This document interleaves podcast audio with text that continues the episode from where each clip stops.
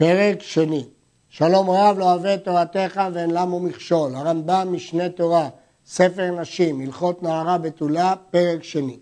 חמישים כסף של קנס הם דמי הנעת שכיבה בלבד, וחייב המפתה ליתן בושת ופגם יתר על הקנס הקצוב בתורה. לא רק קנס חמישים כסף הוא חייב, חוץ מזה הוא בייש אותה והוא פגם אותה וגם את זה הוא חייב לשלם. יתר עליו האונס שהוא נותן את הצער, במפתה אין צער, שהנבהלת ברצונה אין לה צער, והאנוסה יש לה צער, וכן אומר באנוסה תחת אשר עינה, ולכן באונס נוסף לבושת ופגם הוא משלם גם צער. נמצא, המפתה משלם שלושה דברים, קנס ובושת ופגם, והאונס ארבעה, קנס ובושת וצער ופגם. קנס שווה בכל, חמישים כסף בכל מקרה. אחד הבעל בת כהן גדול, אחד הבעל בת גר או ממזרת, קנסה חמישים כסף. אין הבדל בקנס. אבל הבושת והפגם והצער אינם שווים בכל וצריכים שומה. כיצד שמין הבושת? הכל לפי המבייש והמתבייש, שאינו דומה המבייש נערה חשובה ממשפחה מיוחסה למבייש קטנה ענייה בזויה, ואינו דומה המתבייש מאדם חשוב וגדול למי שמביישו אחד מן הנבלים וקל מן הקלים. כלומר, צריך למדוד ולשום את הבושם של הנערה הזאת, המיוחדת, לפי התנאים שלה, ולפי התנאים של המבייש שלה. איך בודקים את זה? שמין כמה ממון אבי היה מוכן לשלם כדי שלא יקרה לה דבר כזה. ה' hey, ולפי זה רואים הדיינים מעלתה ומעלתו ושמין כמה ממון ראוי לאביה ומשפחתו ליתן ולא ירע להם דבר זה מאדם זה. וחמור הוא חייב לשלם. כך נוכל לאמוד גם את המבייש וגם את המתביישת כמה אה, ממון זה שווה. ו. פגם לפי אופייה. רואים אותה כאילו שפחה נמכרת בשוק, כמה היא שווה בעולה וכמה הייתה שווה בתולה.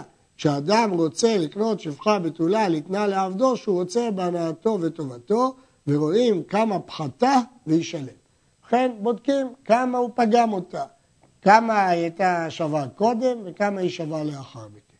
צער, לפי קטנותה ובניין גופה, ולפי שנה וגופו עומדים כמה האב רוצה ליתן ולא תצטער זו מזה וייתן. גם הצער משתנה בינה לבינו וגם את הבדיקה עושים באותו אופן כמה האב היה מוכן לשלם שהיא לא תסבול צער כזה. המפתה נותן בושת ופגם מיד ואינו נותן את הקנס אלא אם כן לא נשאה שנאמר וימאן ימאן אביה לתיתה לו כסף ישקול כמו הרבתולות. בושת ופגם בכל מקרה מיד הוא צריך לתת אבל קנס כבר אמרנו שיש שתי אופציות. אם גם הבת וגם האבא וגם המפתה מוכנים שהיא תינשא, אז היא תינשא, ואז יש לה כתובה ואין לה קנס. אז לכן, רק כשהוא מחליט שלא להינשא, רק אז הוא מקבלת גם קנס. אבל האונס נותן ארבעה דברים מיד, קנס, בושת, פגם וצער, את הכל הוא נותן מיד, וכונס. לפיכך, כשתרצה להתגרש או היא מת, אין לה כלום. אין לה כתובה, כי אמרנו שכל מטרת הכתובה היא שלא תהיה קלה להוציאה, אבל זה אסור לו להוציאה. לכן הוא גם נותן ארבעה דברים מיד וגם כונס. באו עליה שניים, אחד כדרכה ואחד שלא כדרכה. זה שבא עליה שלא כדרכה, אם הוא ראשון, חייב בבושת ופגם, אבל לא בקנס. ואם הוא אחרון, חייב בבושת בלבד, שכבר נפגמה. וזה שבא לה כדרכה בין ראשון בין אחרון חייב בקנס ובשאר דברים. אבל אין בושת ופגם של בת שלא נבהלה כלל, כבושת ופגם זו שנבהלה שלא כדרכה. אז אם כן, זה שבא כדרכה, בכל מקרה קנס הוא צריך לשלם, ובושת ופגם לפי הבושת ופגם שנשאר בפועל אחרי שבאו עליה שלא כדרכה. כבר הודענו הבנות שאין להן קנס, ועשר הבוגרת והממאנת והמגורשת והעילונית והשוטה והחרשת והגיורת והשבויה והמשוחררת והיוצא עליה שם רע, את כל אלה פירטנו בהרחבה מקודם. ושאר הבנות יש להן קנס. הרמב"ם פשוט מסכם את הכלל. כל בת שיש לה קנס, יש לה בושת ופגם. ואם הייתה אנוסה, יש לה צער. וכל בת שאין לה קנס, כך אין לה לא בושת ולא פגם אם נתפתתה. וכן אם נאנסה. חוץ מבוגרת וממאנת ושותה וחרש. עכשיו נבין מדוע הרמב"ם חזר על עשר הבנות שאין להן קנס. מדוע? כי כאן הדבר מתפצל לשניים לגבי בושת ופגם. ונלמד את הדברים לכמה. בדרך כלל בת שיש לה קנס, יש לה צער ויש לה בושת ופגם, אבל אם אין לה קנס, אין לה בושת ופגם אם נתפתתה. וכן אם נאנסה. חוץ מארבעה, בוגרת, ממאנת ושותה וחרשת, שהדין שלהם שונה. כיצד? האונס את הבוגרת ואת הממאנת, אף על פי שאין להם קנס, כי בוגרת אין לה קנס, ממאנת אין לה קנס, יש להן בושת, פגם וצער. והאונס, שותה או חירשת, משלם צער בלבד. אבל המפתה את כולם, פטור מכלום. כלומר, המפתה, אמרנו כשם שאין קנס, אין בושת ופגם וצער. אבל באונס, כאן יש יוצא דופן, בבוגרת, ממאנת, שיש להם בושת, פגם וצער. ובאונס שותה חירשת, יש צער בלבד. על כלל זה של הרמב"ם, אומר הכסף משנה, כתב הטור על דברי רבנו, איני מבין דבריו, מה תלוי צער ובושת ופגם בקנס? אף על פי שאין להם קנס, למה לא יהיה להם שאר הדברים? הרי למדנו שאם היא בעולה היא לא בתולה, ואם היא בוגרת היא לא נערה, כל זה זה סיבה שלא יהיה קנס שכתוב בהם נערה בתולה. אבל למה שלא יהיה להם בושת פגם או צער? כותב הכסף משנה, גם בעיניי ייפלא וצריך להיות. כן, הכסף משנה מזדהה עם שאלת הטור, מדוע אין להם גם שאר דברים? אה, שו"ת שבות יעקב מתרד שישנה גזרה שווה בין קנס לבושת ופגם. וכיוון שהם הוקשו אחד לשני, ייתכן שהם הוקשו גם לעניין זה. נמשיך. אין אדם משלם קנס בכל מקום בהודעת פיו. יש כלל מודה בקנס פטור. אלא על פי עדים, קנס הוא עונש. עונש רק על פי עדים. לפיכך האומר אנסתי ופיתיתי ביתו של פלוני, אינו משלם קנס, אבל משלם בושת ופגם בהודעת פיו. הוא לא משלם קנס, כי מודה בקנס פטור, אבל בושת ופגם זה לא קנס, ולכן הוא משלם. וכן בת שטבע איש בדין, ואמרה לו, אנסת או פיתית אותי, והוא אומר לו, היו דברים מעולם. הרי זה נשבע שבועת הסת, שאילו הודה, היה משלם לה בושת ופגם וצער על פי עצמו. החידוש של הרמב"ם הוא שקנס לא שייך שבועה, כיוון שגם אם היה מודה היה פטור. אבל בושת ופגם וצער, כיוון שאם היה מודה לה הוא היה צריך לשלם, אז אם הוא כופר, יש פה שבועת הסת, כמו בכל כופר הכל, שיש שבועת הסת. הרעב"ד מערער על הדין הזה, וכותב הרעב"ד שלא שייך פה שבועה, כיוון שאין כאן תובע, התשלומים הם לא שלה, התשלומים הם של האבא. ואם מדובר בטומאה, הדין הוא בכלל שונה. כלומר, הרב שואל שהרי אין פה תובע. אבל אומר הכסף משנה, מה זה משנה? נכון שהתשלומים הולכים לאב, אבל היא התובעת.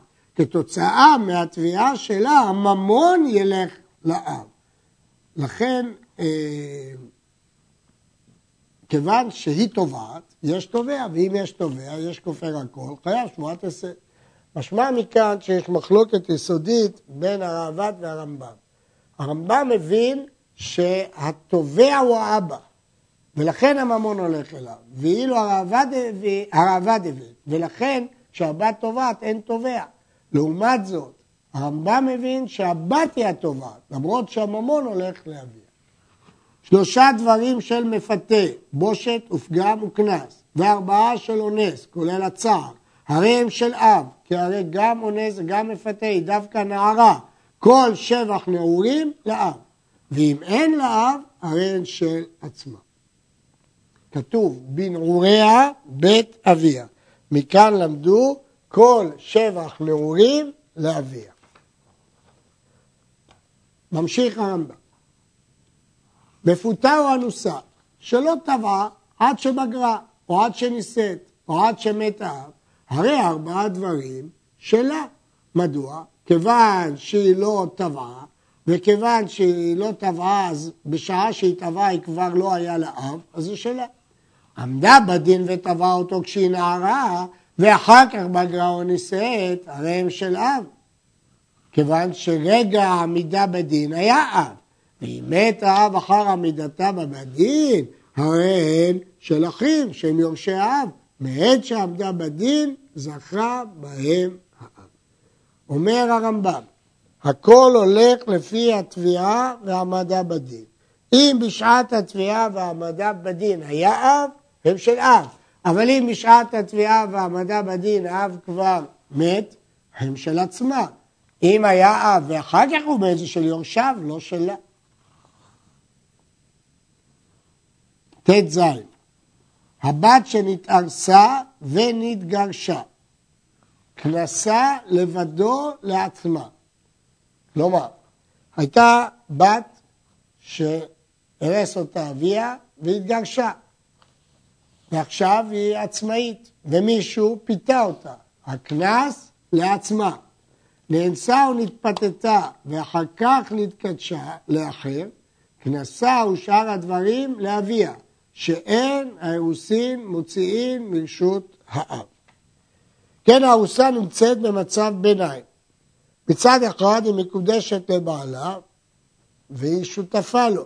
מצד שני, האירוסין לא מוציאים מרשות האב והבת כפופה על האב מבחינה ממונית.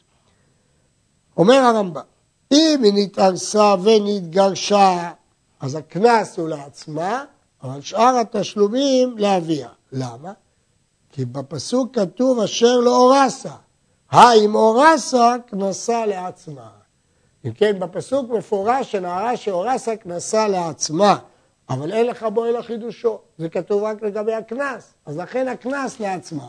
אבל שאר התשלומים לאביה, כי האירוסין לא הוציאו אותה ברשות אביה כל עוד היא לא נישאת. נאנסה או נתפתתה ואחר כך נתקדשה לאחר, כנסה או שאר הדברים לאביה, שאין האירוסין מוציאים מרשות האב. כיוון שזה לא קשור במיעוט של הפסוק, אז לכן אה, זה של אב, כי היא לא יוצאת מרשות האב באירוסין. חוץ מהדין הפרטי, שאם הייתה מאורסת ונתגרשה ומישהו פיתה אותה, קנס לעצמה, כי כתוב אשר לא אורסה, אבל אם מאורסה, קנסה לעצמה. י"ז, אני אומר שזה שנאמר בתורה אל תחלל את בתך להזנותה, שלא יאמר האב הואיל ולא חייבה תורה מפתה ואונס אלא שייתן ממון לאב, הרי אני סוחר ביתי הבתולה לזה לבוא עליה בכל ממון שארצה, או אני אחזה לבוא עליה בחינה שיש לאדם למחול וליתן ממונו לכל מי שירצה. וכך נאמר, אל תחלל את בתך להזנותה. שזה שחייבה תורה לאונס ומפתה ממון, לא מלכות, שאירע הדבר מקרה, שלא נידעת אביה, ולא הכינה עצמה לך. שדבר זה אינו עובד תמיד ואינו מצוי, אבל אם הניח זה ביתו, הבתולה מוכנה לכל מי שיבוא עליה, גורם שתמלא ארץ זימה, ונמצא האב נושא ביתו, ואח נושא את אחותו, שאם תתעבר ותלד, לא ידע בן מי הוא. והמכין ביתו לכך, הרי זו קדשה, ולוקה הבועל והנבלת משום לא תהיה קדשה. מחדש הרמב"ם חידוש גדול.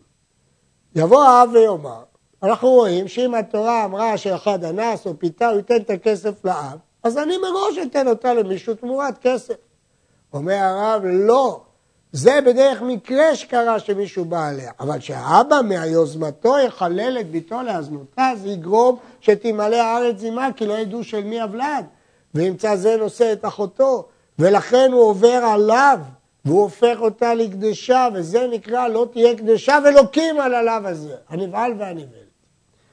ממשיך הרמב"ם, ואין קונסים אותו, לא יהיה במקרה הזה קנס, שלא חייבה תורה קנס אונס ומפתה, אבל זו שהכינה עצמה לכך, בין מדעתה בין מדעת אביה, הרי זו קדשה, ואיסור קדשה, אחד הוא בין בבתולה בין בבעולה, ולפיכך אמרו חכמים שיוצא עליה שם רע בילדותה אין לה קנס, כמו שביארנו שהרי זו בחזקת שהפקירה עצמה לדבר זה ברצונה. אומר הרמב"ם חידוש, בקדשה אין דין של אנוסה במפותה, כי זה לא מישהו פיתה אותה אנס אותה, היא התמסרה לכך, היא מסרה ואביה מסר אותה לכך. זה דין קדשה. הרעב"ד חולק על הרמב"ם ואומר שלא זאת הנקראת קדשה. קדשה זה מי שמעמיד אותה בקובה של זונות. כך מבין הרמב"ם, הרעב"ד, קדשה היא בעיניים, שדווקא אם הוא מעמיד אותה בקובה ממש כקדשה. אה, הרמב"ם לא כך, הרמב"ם מבין שקדשה לאו דווקא אם היא יושבת במקום מיוחד לכך, אלא עצם זה שהיא מוכנה לכך, דהיינו, מכינים אותה למטרה הזאת, זאת קדשה ולוקים על זה. זה חידוש הגדול אה, של הרמב"ם. הרמב"ם גם הסביר את זה במורה נבוכים, ויש באיסור הקדשה תועלת גדולה, כאילו הייתה הקדשה מותרת, היו פונים לאישה אחת מספר גברים בזמן אחד, באופן מקרי, והתקוטטו, ובמקרים רבים יהרגו זה את זה. וכדי למנוע הנזקים הללו, להביא התועלת הכללית וידיעת הייחוסים, נאסרו הקדשה והקדש. ישנם פירושים אחרים גם בראשונים, מה זה קדשה וקדש. עד כאן.